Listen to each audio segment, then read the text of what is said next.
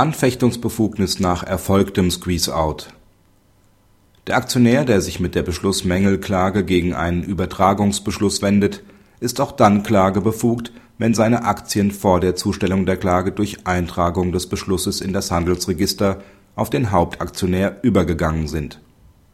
In der Hauptversammlung der beklagten GmbH, die damals noch in der Rechtsform einer AG bestand, vom 21.12.2007 wurde beschlossen die Aktien der Minderheitsaktionäre auf die Hauptaktionärin zu übertragen.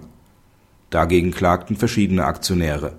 Ihre Klageschriften gingen zwischen dem 17. und 21.01.2008 beim zuständigen Landgericht ein und wurden sodann dem Aufsichtsrat am 28.02.2008 sowie dem Vorstand am 3.03.2008 zugestellt.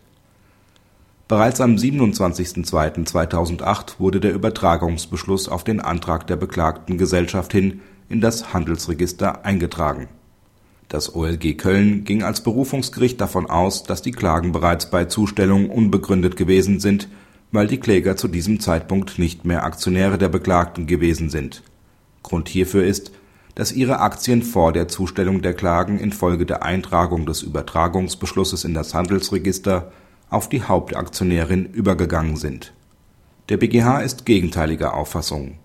Gestützt auf die Erwägung, dass der vom Gesetzgeber vorgesehenen verfassungsrechtlich gebotenen Rechtsschutzmöglichkeit gegen den von der Hauptversammlung gefassten Übertragungsbeschluss Geltung zu verschaffen ist, ist die Mitgliedschaft des klagenden Minderheitsaktionärs in der beklagten Gesellschaft für diese Klage als fortbestehend anzusehen Anderenfalls stellt man den Minderheitsaktionär rechtlos gegen die zwangsweise Übertragung seiner Aktien. Durch den Übergang seiner Aktien verliert der Aktionär folglich nicht die Befugnis, gegen den Übertragungsbeschluss selbst vorzugehen.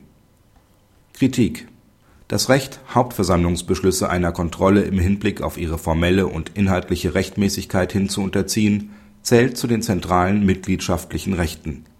Es fußt auf der Mitgliedschaft des Aktionärs im Verband der BGH scheint sich zu scheuen, dieses Recht zur Beschlussmängelkontrolle auch unmittelbar Nichtmitgliedern zusprechen zu wollen.